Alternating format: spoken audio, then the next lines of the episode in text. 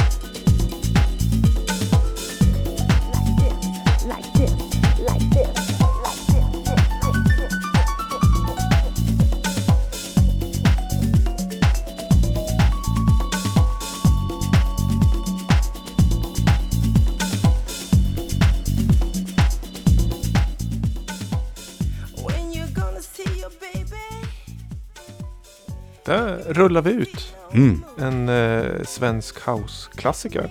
Ja, visst. Berätta hur du tänkte när du valde den här låten. Eh, vi skulle ju ha DJ-tema idag. Eh, och eh, vad kännetecknar en bra DJ? Vad kännetecknar en bra producent? Vad eh, vill man få ut av en kväll på klubben om att dansa till en bra DJ och så vidare. Och vi fick mig att tänka på Christian Falk. Den bortgångne Christian Falk. Um, det var för typ eh, uh, 20 år sedan som jag såg honom live för första gången bakom skivspelarna. Och uh, det var en ögonöppnare. För han hade precis gjort den här plattan Kell Bordell som uh, den här låten är tagen ifrån. Moody med Falk själv och eh, Nene Cherry. Och um, det var en väldigt spektakulär eh, DJ-set han eh, utförde på dåvarande Trio Company i Gävle. Det var eh, uselt mixat. Det var, det var usel kvalitet på låtarna. Och det var väldigt konstig kväll med tanke på mixningen och så vidare. Men hans låtval var enastående. Och det var då jag började förstå att aha, man kan alltså spela olika genrer som techno, hiphop, house, ambient, trip-hop, drum and bass och så vidare och så vidare. Jag har aldrig, alltså sen dess tror jag, sett en mer virtuos som, som DJ som Christian Falk. Det var, det var en upplevelse. Och det var därför jag valde den här låten också, för den är lite om, mm, spretig och lite ehm, Mm, galen på, på ett bra sätt. Men ändå liksom återhållsam. Precis som, som han var som, som DJ. Jag tycker att eh, det är intressant val och bra öppning på eh, avsnittet. Just det här att det finns en dansmusikbotten men det är även eh, den hämtar inspiration så mycket annat. Det, det hörs att det är en person som är bred i sin musiksmak som har gjort den här låten. För att den hämtar influens från väldigt många olika ställen. Eh, och vokalen är fantastisk också givetvis. Och det finns en soulighet och ett groove och någon sexiness i hela låten. Den här skivan är som, som du säger också helt fantastisk. Ja. Eh, nu, jag vet inte, har du något att säga Viktor där?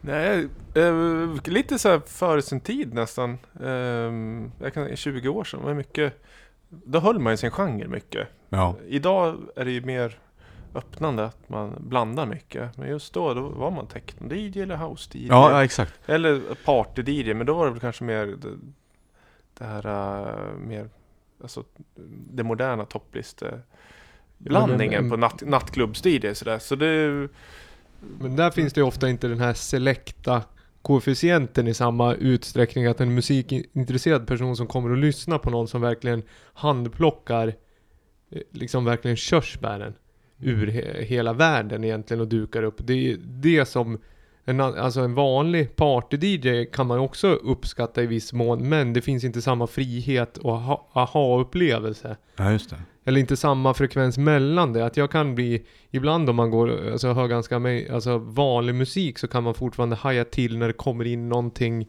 udda i den mixen. Men det är inte så att låt efter låt känner man att man, det här måste jag veta vad det är för någonting. men det är en fundering, eh, du sa att han var ganska dålig på att mixa ihop dem, men det var jättebra låtar. Har du hört någon DJ så efteråt som haft samma eh, alltså finess i eh, låtvalet och adderat det med fantastiska DJ-skills som har adderat liksom ännu mer till upplevelsen? Mm, så här på rak arm, nej. Det har han inte gjort. Och det är därför han hänger kvar i minnet liksom. För att jag tyckte han var så stilbildande liksom för mig. Så, här, så att jag förstod liksom att det gör ingenting om det låter lite kacka ibland. Eller det gör ingenting om du byter genre helt plötsligt. Jag tyckte det var så, så jäkla imponerande. Och jag kommer ihåg också att han, när han åkte ut på den här kalasturnén tillsammans med ja, Weeping Willows och Sahara Hot Nights och så vidare. Och så vidare. Då kom ju han och åkte ut som DJ. Och han sa ju det till media också, att jag är ingen DJ. Jag är liksom inte den eh, DJn som folk tror att jag är och så vidare, utan jag är ju producent. Men han åkte ut och så spelade han sina skivor, spelade sina låtar. Men eh, eh, mixade inte alls så som en DJ inom situationstecken ska göra. Och det tyckte jag var upplyftande. Vi ska skynda vidare egentligen. Vi kommer ju spela ganska brett idag. Och nu vänder vi på spektrat. En DJ som producerar och istället kanske är väldigt fokad på teknik och inte lika mycket låt ofta, utan det blir toligare. Vi lyssnar på den här och sen så pratar vi mer sen.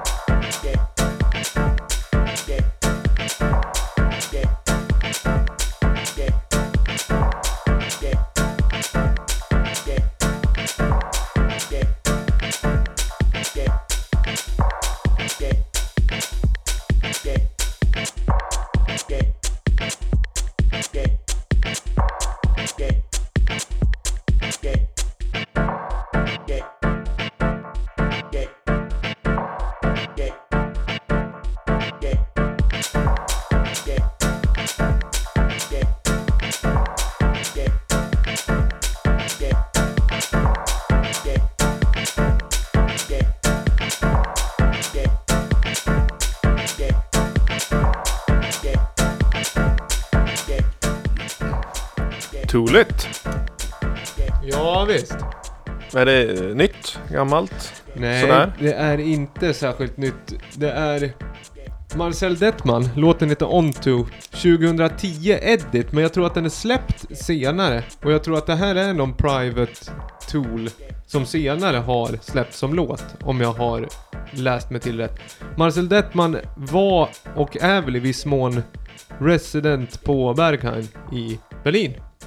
Och är väl, min spaning här, det var väl, det är en person som är sprungen ur en DJ-kultur och senare har producerat väldigt, väldigt mycket fantastisk minimal techno egentligen modern. Även under Sandwell District är väl även han med en annan producent, tror jag. Nu sitter jag och gissar, men jag tror det. Eh, och det här tycker jag är lite intressant, hur man kan göra en låt som är otroligt monoton, men ändå så extremt svängig och stark och man som DJ blir väldigt sugen och mixa och spela musik. Man blir sugen på att liksom hålla på med teknik när man hör den här för att den är så... Ja, den är väl, verkligen, verkligen studsig. Vad säger du Viktor? Jo, det, alltså jag gillar ju att vara väldigt teknisk när DJ är. Och det, det, förr i tiden var det ju, låtarna var ju mer raka. Eh, fanns väl en viss produ producentbegränsning i studion också. Så att låtarna var lite mer raka. Och troliga för att DJn skulle kunna styra låtarna. Eh, dit man vill ha dansgolvet. Eh, och på, till viss mån så funkar det så fortfarande också. Att egentligen eh, man tar produktionen från studion och flyttar den ut eh, i DJ-båset. För att styra soundet dit man vill ha det. Men det som jag jag. tycker, om vi lyssnar här. Som jag tycker är lite speciellt med den här. Det är att den är så tom.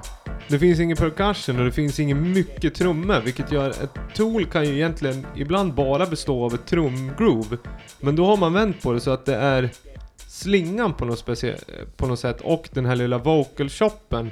Och det är det som gör på något sätt att den kommer upp i verkshöjd och vara en egen låt och inte bara ett tool. Eller?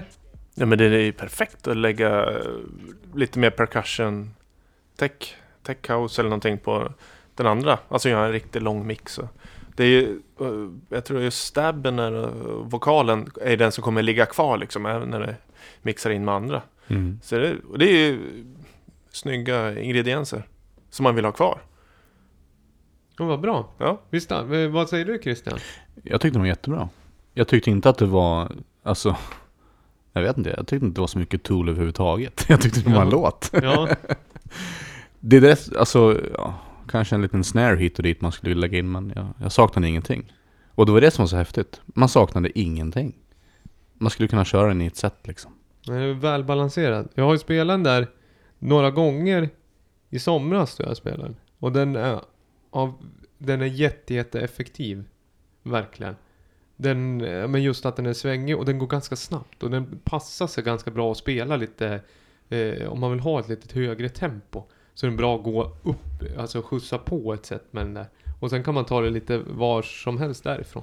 Men eh, tror ni att han har gjort den här helt medvetet? Alltså medvetet så som att han vill att DJ ska spela den som ett tool och kunna lägga in grejer själv? Eh, Jag tror att han har gjort den för att spela själv ja, i sina sätt. Och sen på något sätt vid senare, om jag får gissa helt, eller så målar jag upp en falsk bild. Men det är, jag tror att han har haft den länge, kört själv, själva slingan. Och sen släppt den som låt på Ja, allmän det. påtryckning. Eller att eh, han behöver släppa någonting. Och då har han städat upp en slinga.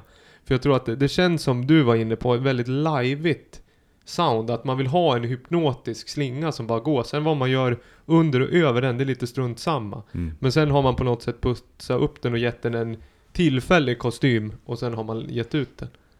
Men det låtar som är roliga att mixa, då spelar man ju ofta. Mm. Det, det är ett De, bra tecken. de ligger ju ofta kvar. Alltså Ja. när man byter USB-minne eller man plockar ur i en skivväska eller vad det är. Så finns det vissa av de här låtarna som år efter år stannar kvar.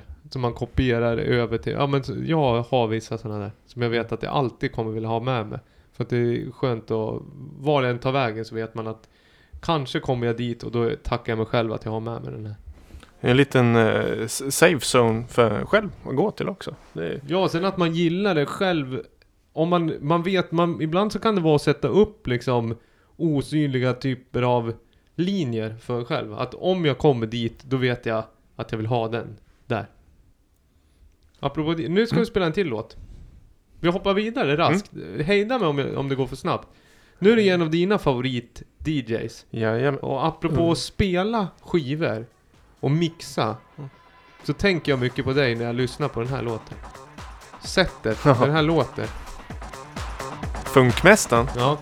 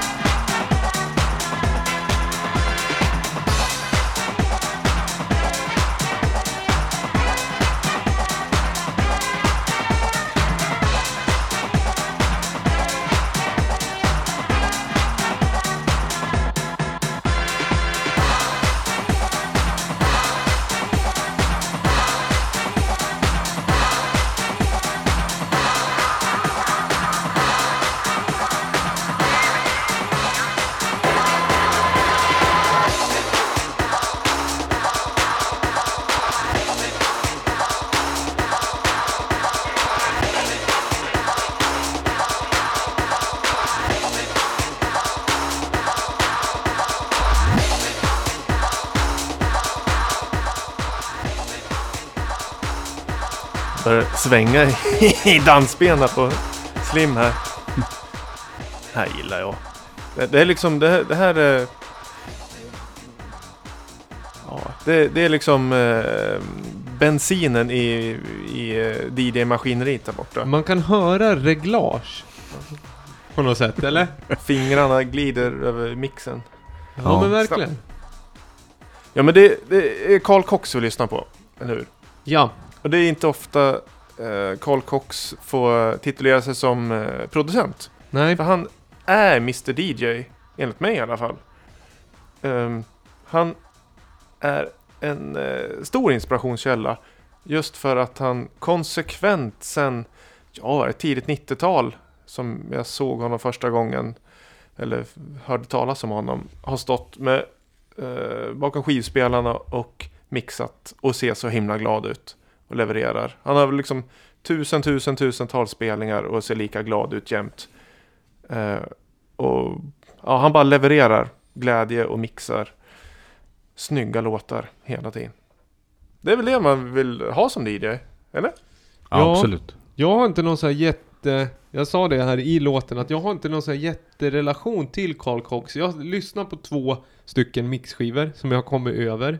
Av ren, ja, ja, man bara, en, en Mixmag-CD som jag köpte som följde med. Och sen en Global Underground som jag, det ska vi prata lite mer om sen. Men en eh, Global Underground mix. Och eh, det man slås av med Carl Cox som jag hade svårt för i början, det är att det, du som är DJ, eller båda ni, kan, tror jag gillar, uppskattar, eller har lättare att förstå vad han gör med låtarna. Jag tyckte att det var lite för vilt i början. Att jag ville ha en mer slick produktion där jag kunde utskilja vad som händer. För här är det så mycket energi och så mycket skill och så mycket glädje. Så att det är precis som att man skulle slänga in någon som övningskör i en Formel 1. Att det går liksom för fort så att man bara fattar inte och så stannar man bara och sitter och liksom hyperventilerar. Men med tiden har jag lärt mig uppskatta det här på ett helt annat sätt. Jag, jag håller med. För 10-15 år sedan så tyckte jag inte om Carl Cox överhuvudtaget. För jag tyckte det var alldeles för vilt och för spexigt och för galet. Men nu, nu förstår jag det precis. Det känns, alltså den här låten känns ju som att den, den är gjord för mm, att spela ute. Alltså att den är gjord för en duktig DJ.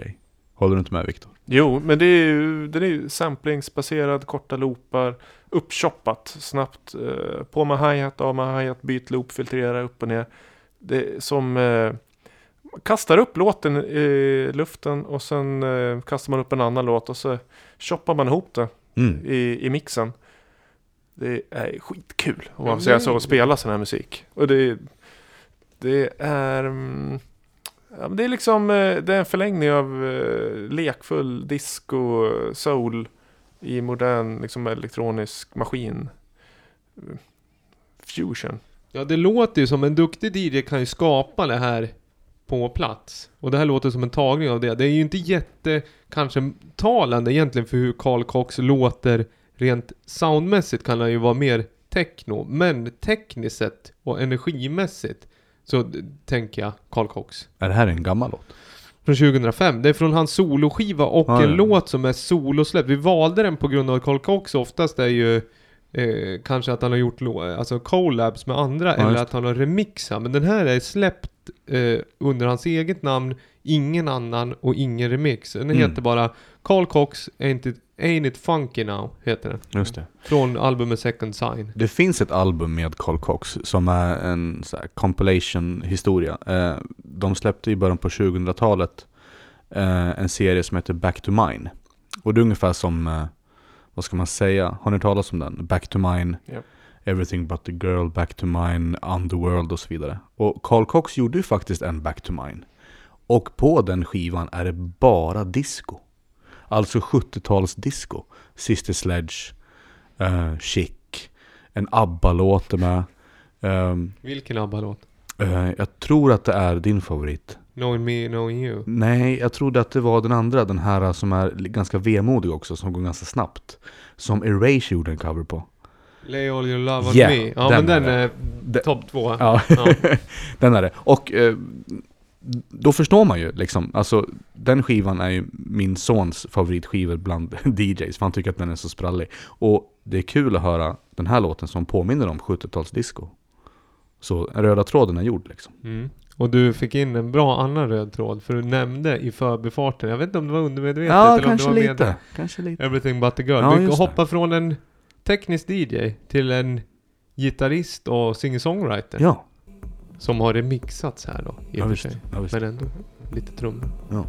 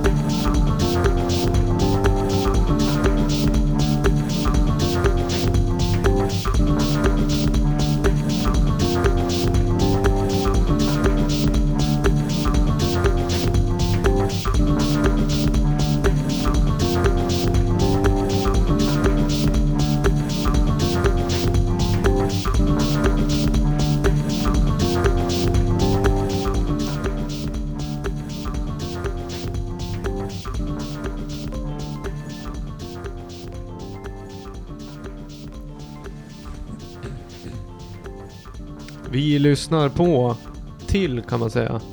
Låten heter Golden Ratio, Charles Webster Remix och artisten är Ben Watt. Som kom, en, en eh, gitarrist och singer-songwriter från Ja. ena halvan av Everything, Everything But a Girl. Ja, visst.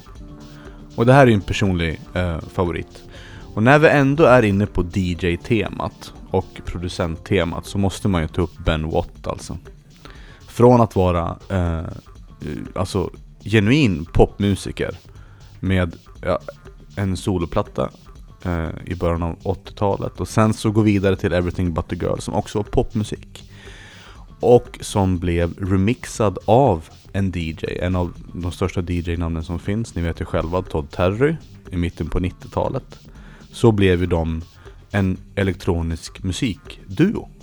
Ja, och det är ju också den låten, det är ju lite samma, eller rätta mig om jag har fel, men det är ju lite samma resa den låten gjorde som Show Me Love har gjort. Att det är remixen Ja, ja, just det. som är Precis. numera originalet. För att eh, Ja. alltså Missing hör man ju oftast nästan i Todd Terry Ja, precis. re remix. I alla fall jag, för det är Men- Det, det som är int- intressant med det här tycker jag, det är ju att en DJ kom in och ändrade hela deras karriär egentligen. Ja, Eh, från att vara liksom eh, ett popband, eh, akustiskt eh, popband, som inte gjorde så mycket väsen av sig överhuvudtaget på 10-15 år.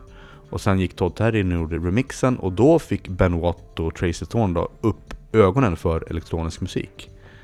Och eh, sen blev de ju liksom Everything But A Girl med hela världen och släppte jättebra alltså house-grejer och liksom drum and bass-grejer som är fruktansvärt bra. Eh, och sen eh, för en tio år sedan ungefär så gick de ju tillbaka till popmusiken. Och nu gör de ju inte alls elektronisk eh, dansmusik. nej. Eh, och nu släpper ju de inte plattor tillsammans utan nu släpper de bara soloprojekt. Han har ju även lagt ner Buzzin Fly, alltså Deep Ja, just det. House-labeln och har bara kvar Strange Feelings som Jo. är indie-pop-labeln som släpper de här, vad heter de, Flowers and the Sea Creatures. Eh, och har släppt Tra- Tracy Thorns skivor är ju inte släppt på Buzzin Fly utan de just släppt på sublabeln Strange Feelings. Ja, och Strange precis. Feelings är kvar men Buzzin Fly är avvecklat. Ja. Men vad, jag som är lite eh, halv offside här. eh, Var det Buzz and Fly? Var det alltså... Ben Bo- Watts label. Jaha. Ja. Eh, som, apropå vi pratade lite om det, är också att Carl Cox, DJ, som har en label som heter Intech, som är väldigt dansmusiksorienterad. Ben Watt istället Buzzin Fly, och den är ju mer jag tycker man, man ser en tydligare röd tråd i den eh, outputen. Ja. Eh, och framförallt, det som jag tycker är en av de finaste grejerna med Buzzin Fly, det är ju artwork-fokuset. Det är ju en poppig eh, profil på hela, eh, hela den katalogen. Sen har, finns det en viss bredd där inom också, att man känner att det, vissa släpp kanske är lite tidstypiska, men de har ju verkligen vissa, enligt mig, klassiska släpp. Jag har ju spelat till exempel den med Estelle, den som heter Pop a Cap in Your Ass. Med Ben Watt är ju på Ja, Buzzin just Fly. Insomnia med Rodda Mal.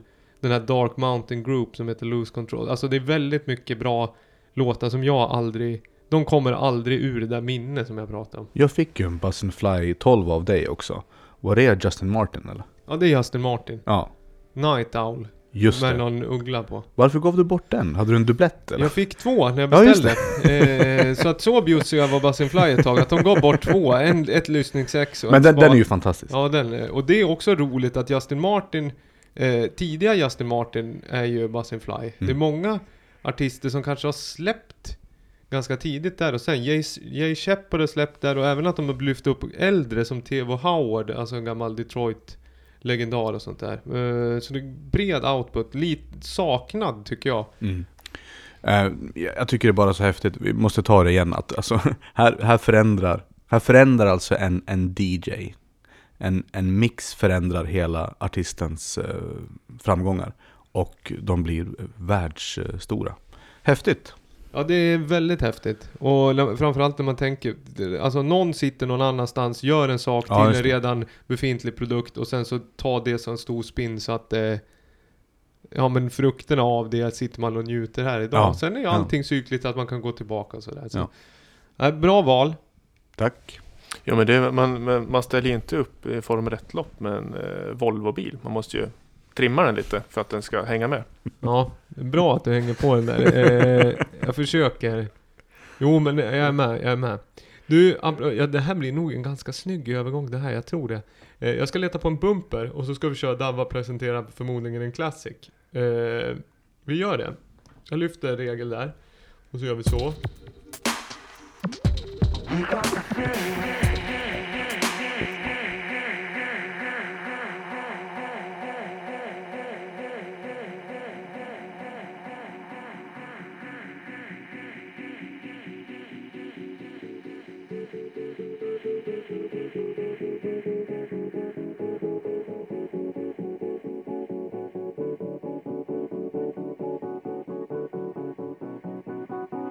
You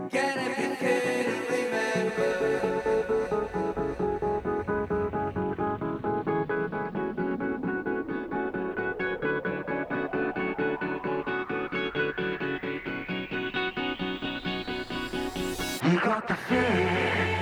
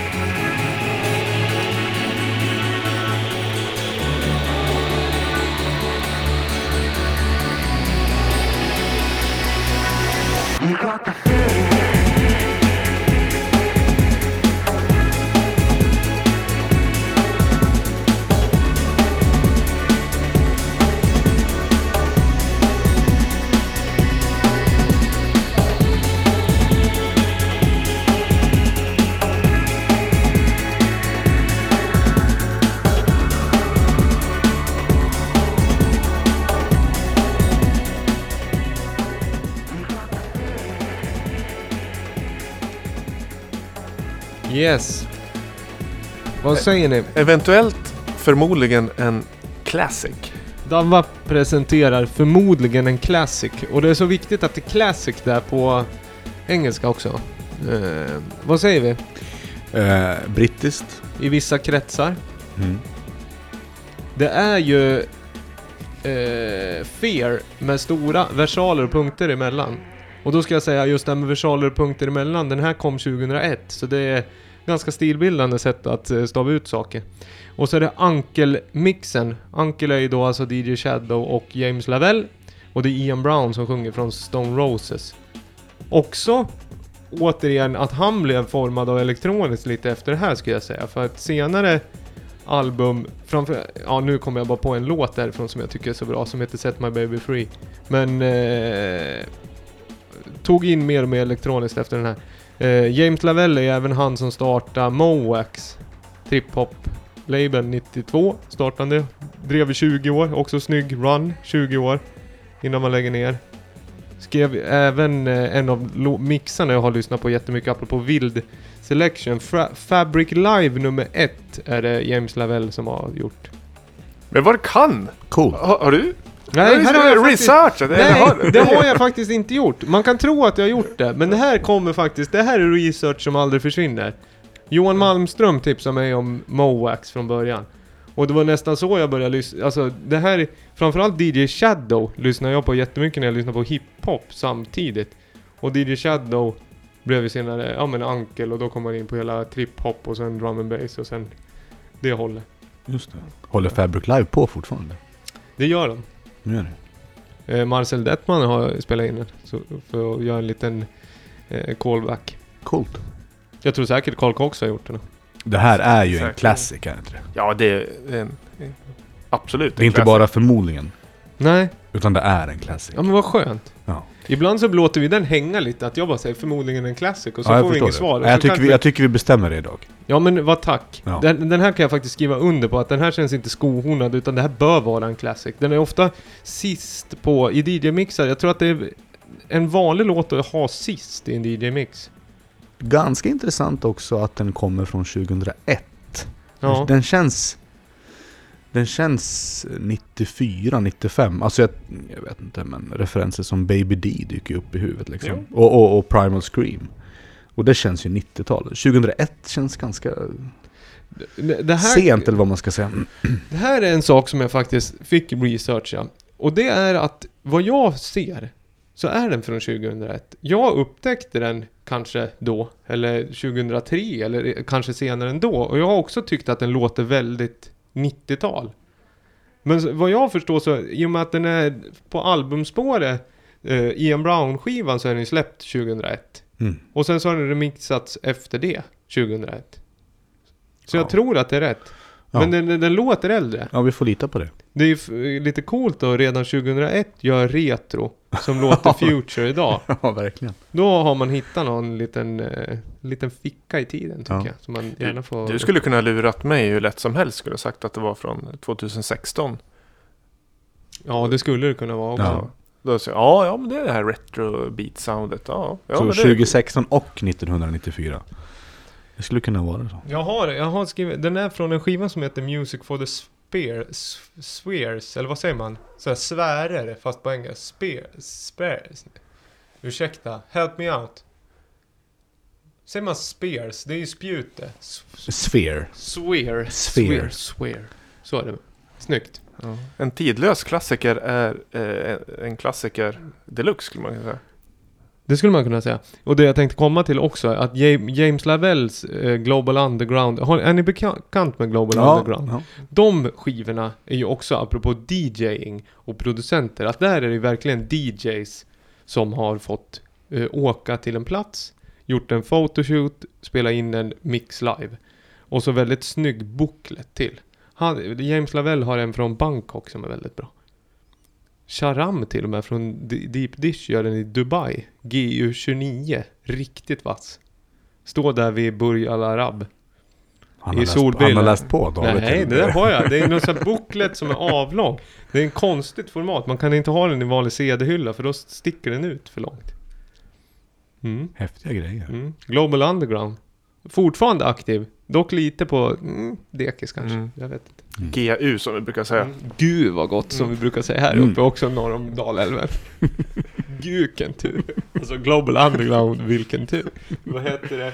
Eh, eh, nu när vi ändå är på liksom, när det blev lite uppsluppen stämning och skämtigt. Så ska vi hoppa till Eh, Slims smala skiva. Snyggt. Ja. Vill du ha en bumper? Vi har ställt upp en liten setup här borta så att det är faktiskt gångavstånd. Dra en bumper så springer jag bort till grammofonen. Jag gör det. Jag fastnar. Så. Är du på kanal 7-8? Ja, Det är en stereoinspelning alltså. Eh, ja vi, men vi måste ha en bumper först. ja, vi gör så här. Nu är det någonting som låter i bakgrunden. Nej, bumpen kunde inte hittas. Vill du leta leda på bumpen? Det blir ingen bumper. Du får köra ändå. Klipp in bumpen. Ja. ね。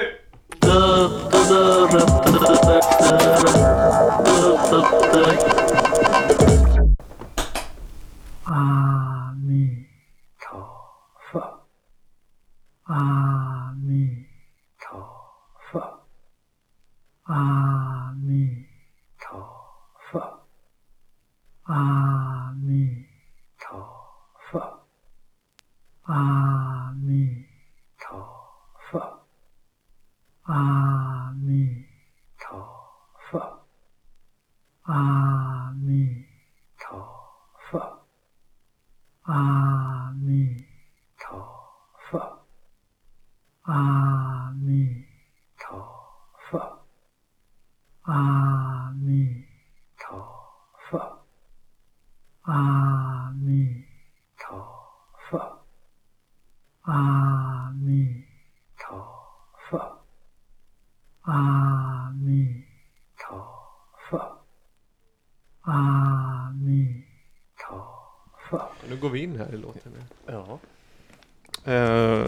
kvar? Nej? Jo, den ligger på. Ja, ja, nu kommer nästa spår här. Ja, Kan, vi kan, den kan ligga på lite i bakgrunden ja vi kanske. lägger på den. Ja, vad tycker du om det där då? Är det något som passar DJ-sätten? Det är något mantra då eller? Är det en DJ eller en producent som ligger bakom produktionen? Det kändes verkligen sprunget ur en DJ-kultur tycker jag. Den var tolig, eller? Ja. Vet vad det är? Det är, eh, det är en ganska ny skiva jag köpte in på eh, den fantastiska butiken Starplat i Berlin. Det är eh, i eh, Asiatien, ja, Kina och Tibet framförallt. Så tillverkar man sådana här små eh, plastburkar. Eller vad heter det? Plast, eh, speldoser med batteri i. Så trycker man på knapp så är det antingen, eh, som ni hör nu, en eh, liksom... En, ett- Bön. Ja, en bön, En eller utrop och mantra en eller chant, någonting. liksom. Om något sånt. Så finns det lite olika sådana... Som ligger förladdad i Ja, dosan. Eh, så den här skivan är eh, inspelningar från sådana doser i Kina och Tibet. Uppmickad bara. Uppmickade, ja. Ja. Och ibland är det bara en loop som går runt, runt och ibland så är det väl någon bön och ibland så är det någon, liksom, någon liten eh, ja, psalm typ. Fast man, Är det en eh, storsäljare? Jag vet inte, det är ganska stort bolag. Diskrepant. Eh, ja, jag tycker det var... Jag tvekade inte en sekund när jag köpte. Ja, fint omslag. Stilistiskt. Väldigt fint. Med Så det- bilder, jag ska försöka måla en bild också. De här speldoserna som Viktor pratar om är alltså avbildade. Det är fem stycken på omslaget, väldigt eh, strikt, stel eh, grafisk formgivning. Varav vi har de tre mindre doserna som står på högra delen av skivan. Det är en röd dosa, eller en silverdosa är merparten, själva botten, men ramen är röd. Sen under den ser vi en eh, med blå ram och under står den i plast i gul. Och till vänster om det så är det st- två större liggande bilder, format, eh, vad kan det där vara? 16, det är inte 16.9 eller men det är lite wide är det. Och de två är det andra färger. En guld och en... Det här är den röda do- dosan, det hör jag direkt. Använder det här ofta? Är det här därför du har så mycket skivspelare kan jag tänka mig? Ja, ja men den här var, det var väl lite... Det här är en rolig skiva att ha. Det är inget som man myslyssnar på hemma men den... eh, Ja, den är speciell. Det är slim, smala skiva, Ja. helt klart. Det är typiskt sån här skiva man köper bara för att imponera på vänner hur konstiga plattor man har. Men hur gick det till när du köpte den här? Alltså förlyssnarna på den i butik? Nej, jag gjorde inte det utan eh, jag läste om den att det var liksom inspelade. Du läste om den på skivan? Ja, eller? precis. Det står förklarat på baksidan. Ah, Så okej. det, jag gillar sånt. ja. Då nappar du direkt. Ja. Förstår du vad chockad man skulle bli om man köper den där skivan, läser texten, att det här är uppmickade små speldoser från Tibet. Och då tänker man att, ja det kanske låter som här i bakgrunden, det är... Ja det är inte någon super HQ-kvalitet direkt. Det skulle vara jättechockad om man lägger på den. Och sen är det Die Straits, Romeo och Julia, eller Steely Dan. Något som är såhär super hi-fi och verkligen referenslyssning. Och man såhär, vad har de mickat upp det här? Och hur kan högtalaren i dosan låsa så otroligt krisp? Jag kan höra hur Mark Knopfler liksom slickar på ett plektrum långt bak i studion. Ja, det är Nej, nu, nu skojar jag här, det blir så rolig stämning när du tar med sådana här låtar. Den, jag tror det kallas, looparna kallas eh, Shang Fu Ji. Där Shang betyder to sing, Fu betyder buddhism och Ji betyder eh, maskin. helt enkelt. Ji, ma maskin. Så det är Shang Fu Ji. Eh, to sing buddhism maskin. V- Vänta lite nu. Eh, Du sa att det var loopat. Ja, Eh. de har väl bara tryckt i knappen så låter det så här. Och så har de spelat in det. Jaha, okej. Det är inga, Så- lo- det är inga liksom locked grooves utan det... Nej, just det. Okej. Den var smal. ja, Den det var smart. Men den var betydligt mer ljudad än eh, den där skivan som var tyst. Ja, det tar sig. Ja. Alltså, det här segmentet börjar, det, det låter mer och mer. Alltså det blir bredare och bredare. Snart kommer det noise-plattorna. Om Omane benle hon Omane benle hon Omane benle Om Omane benle hon Omane benle hon Omane benle hon Omane benle hon Omane benle hon Omane benle hon Omane Om hon Omane benle hon Omane benle hon Omane benle hon Omane benle hon Omane benle hon Omane benle hon Om mane belle hon. Om mane hon.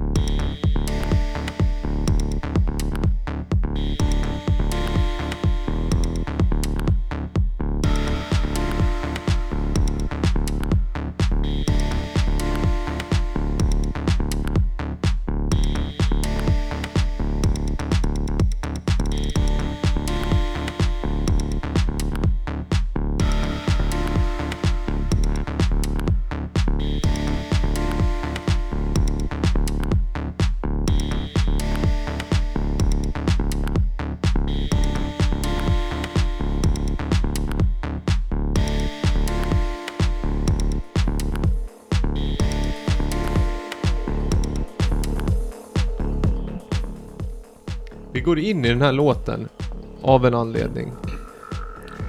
Tack förresten Viktor för din smala skiva som fick fungera lite som ett tool över den här låten. Ja men tack för inmixningen där. Nästan episk. Fick vi ju en eh, smakprov hur man kan använda skivan. Tyckte det var snyggt. Ja, jättebra. Yes. Vi lyssnar nu till en, litet, en liten del av eh, en låt som heter Gridlock med John Digweed. Och det såg du på skärmen Yes. och reagerade på. Yes. Det är ju också en lite grann av husgud till mig. Lyssnar ju alltid på de här John Digweed-mixarna som kom eh, Alltså de kom med tidningar och de kom som promosläpp och de kom eh, Han var ju ständigt aktuell i alla fall för mig för en 10-12 år sedan. Jag vet inte om han fortfarande håller på men Han gör det. Vilket år är den här låten ifrån? Den här är från... eh, Kan den här vara från 2015 eller någonting? Ah, Okej. Mm. Eh, nej men John Digweed, det såg jag också. Jag tänkte när vi pratade om det här avsnittet att jag vill spela någonting med antingen John Digweed eller James Sabila. Som är... För jag gillar ju progressive på det här sättet, när det är... Händer ganska mycket. Att, men ganska... Alltså episkt men det får ta sin tid och det är mycket ljud.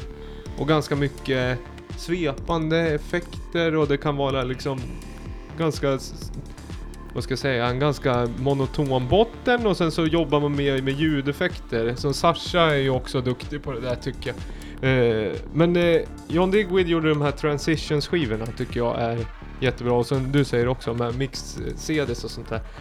Och anledningen att jag valde den här låten det är att det är en originallåt av John Digweed, vilket inte är jättevanligt. Eh, och den här låten är 25 minuter lång. Och låter lite som ett DJ-set i en låt egentligen. Tillsammans med den här som jag aldrig kan uttala namnet. Nick Muir. Muir. Eller om man ska säga det på gotländska. Muir. För, för mig har John Digweed alltid varit, eh, precis som Carl Cox, eh, en DJ. Eh, jag vet inte hur ni eh, Jo känner. men det är ju, det är starkt DJ. Eh, Jag, jag, jag spelar ju aldrig John Digweed-låtar Nej. så, utan jag lyssnar på John Digweed-mixar. Just det. Ja, Jag har ingen relation alls. Mer än att Jag känner igen namnet väldigt bra. Men Det, det har varit sido, sido... Det har gått förbi.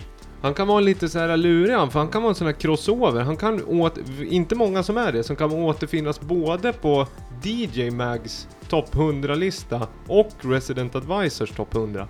Där kan det ju vara extremt stor skillnad annars. Men han kan vara på båda.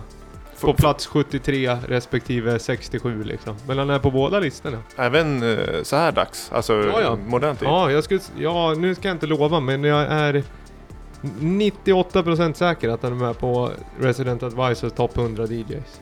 Och Alltså även DJ Mags. Ja, det skulle jag tro också. Tillsammans för att han är ju ändå lite av... Han är ju... I transkretsar så är han väl fortfarande indie. På något sätt. Tillsammans med... Nej nu, jag, jag ska inte säga att han är med, men eh, de, många av de här transarna har ju för, försvunnit från DJ Max. Alltså om man kollar Ferry Korsten och Paul van Dyke och alla de som var liksom prenumererade på topp 10-platserna förr. De har ju blivit ersatt av rena producenter istället. Skulle jag säga. Så är det ju. Mm. Eh, EDM, i, eller EDM eh, Ja men Martin har- Garrix är liksom etta. Var ju han på DJ. Hardwell. Eh, Ja. vart. Etta på Resident, det har vi kanske sagt, men det vart ju Dixon, det är ju mer DJ, eller Jackmaster som inte har släppt en enda låt någonsin vad jag vet. Blev liksom tvåa på Resident Advisor, det tycker jag är ganska, det, det, det är lite talande. Medan Daft Punk fortfarande är med som DJs på eh, DJ, jag vet inte ens om de spelar under 2016, ett enda gig. Nej, det tror jag inte. Varken live eller, Nej. och framförallt DJ-set vet jag inte. Nej. Men eh, om, jag, om jag får vifta lite med handen. Är inte det lite gammelvärldens eh, att man måste dela upp det? Det är det vi pratar om. Vad en producent och eh, en DJ liksom. Vad, Jo, det är vad, klart. vad, Ja, vad det ja. var liksom. Jo det, men det är klart att man inte måste, att, att de här rollerna givetvis går ihop. Det är ju jättenaturligt. Men det kan vara en intressant Just hur allmänhetens syn på vad en DJ är Säger ju en hel del om. Ja just Skatteverket har ju en syn. Det är ju liksom sent 1800-tal tycker de en DJ är. Ja, verkligen. Men om man är artist då? Ja det är, det, är- det är verkshöjd. Ja, Då, då är det mom, momsfritt. härligt. Ja. Sitter lite sur här borta. Nej men alltså det är klart att ofta så är ju rollen exakt, alltså väldigt, väldigt svår. Men tid är fortfarande tid. Och det kommer man aldrig ifrån. Så om, man, om en person eh, gör musik, Eh, vad ska jag säga, som eh, 40 timmar i veckan hela året. Eller bara spela skivor. Eller gör musik 20 timmar och spelar skivor 20 timmar. Alltså i viss mån om vi säger att en person är en helt blank A4 bara. Inget skills, inget smak eller någonting. Utan nu ska du bara göra det här ett år. Och så om du gör, säger att en ska bli DJ, en ska bli producent. Så borde ju egentligen den där tiden spela någon roll.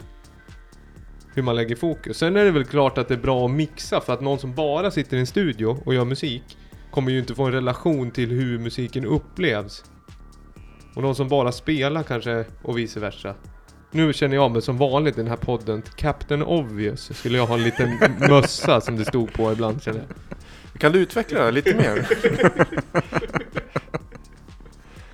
Nej, jag, men jag vill, ha, ett- jag vill ha ett medhåll eller ett, eh, säg, säg till. Ja vi sitter ju och nickar båda två här.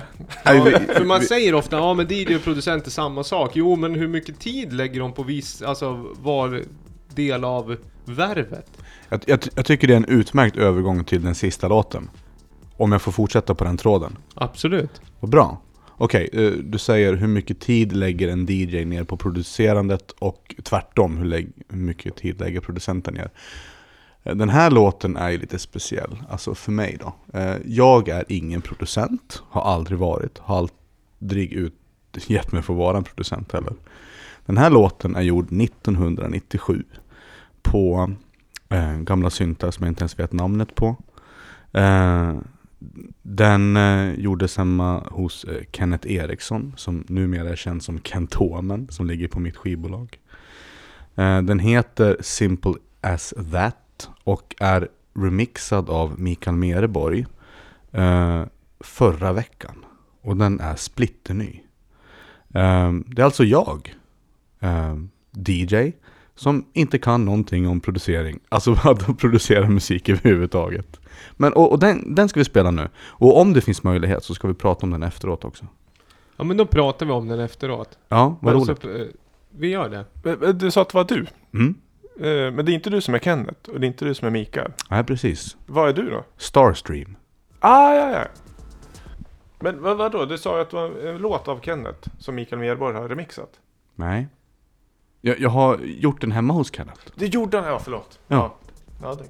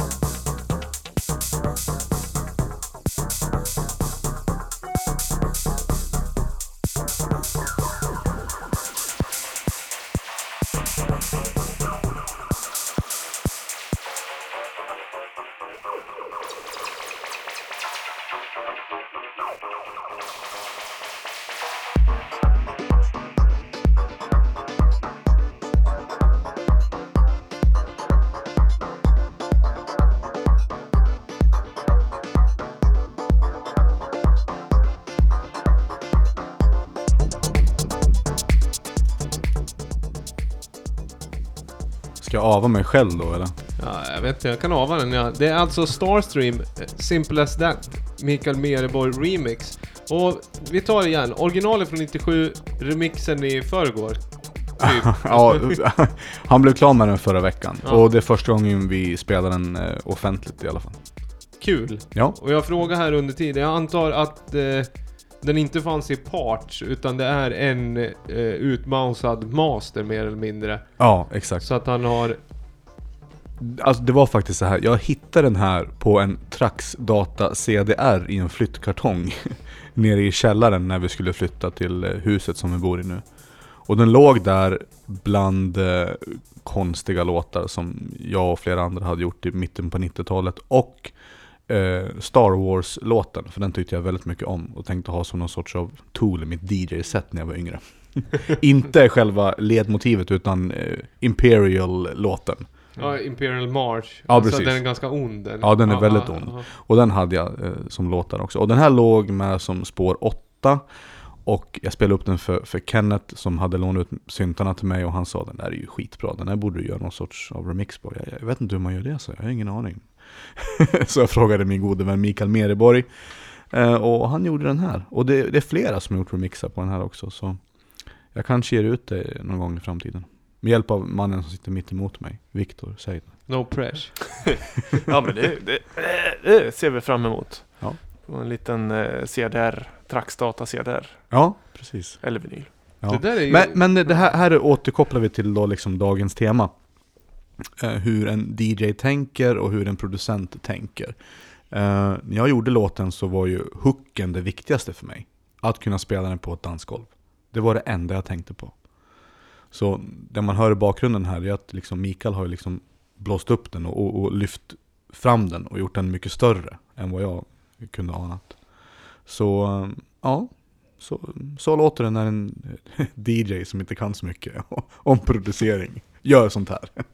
Men Det är en rolig story som sagt och just man kan höra, det sa jag precis inledande i låten, att man, jag kan ju man kan ju höra vad som låg på CDRen och vad som är nyadderat. Att Ja, arrangemanget är ett nytt där man har shoppat och skruvat, lagt på lite effekter och trummor och så. här. Men originalet, den är... Men man hör helt enkelt att den är hårdvara och gjort för ett eh, bra... Alltså den är väldigt sequenceraktig. Ja, just och, eh, ja, men det känns väldigt mycket som eh, en ungdom har gjort den på ett Ja. bra sätt. Den är lekfull och eh, eh, drivs av skaparglädje. Ja, Och sen har de fått en ny kostym. ja precis. lite inspirerad av det där egentligen, att man kanske skulle le- leta igenom de gamla istället för att öppna ett gammalt Ableton-projekt.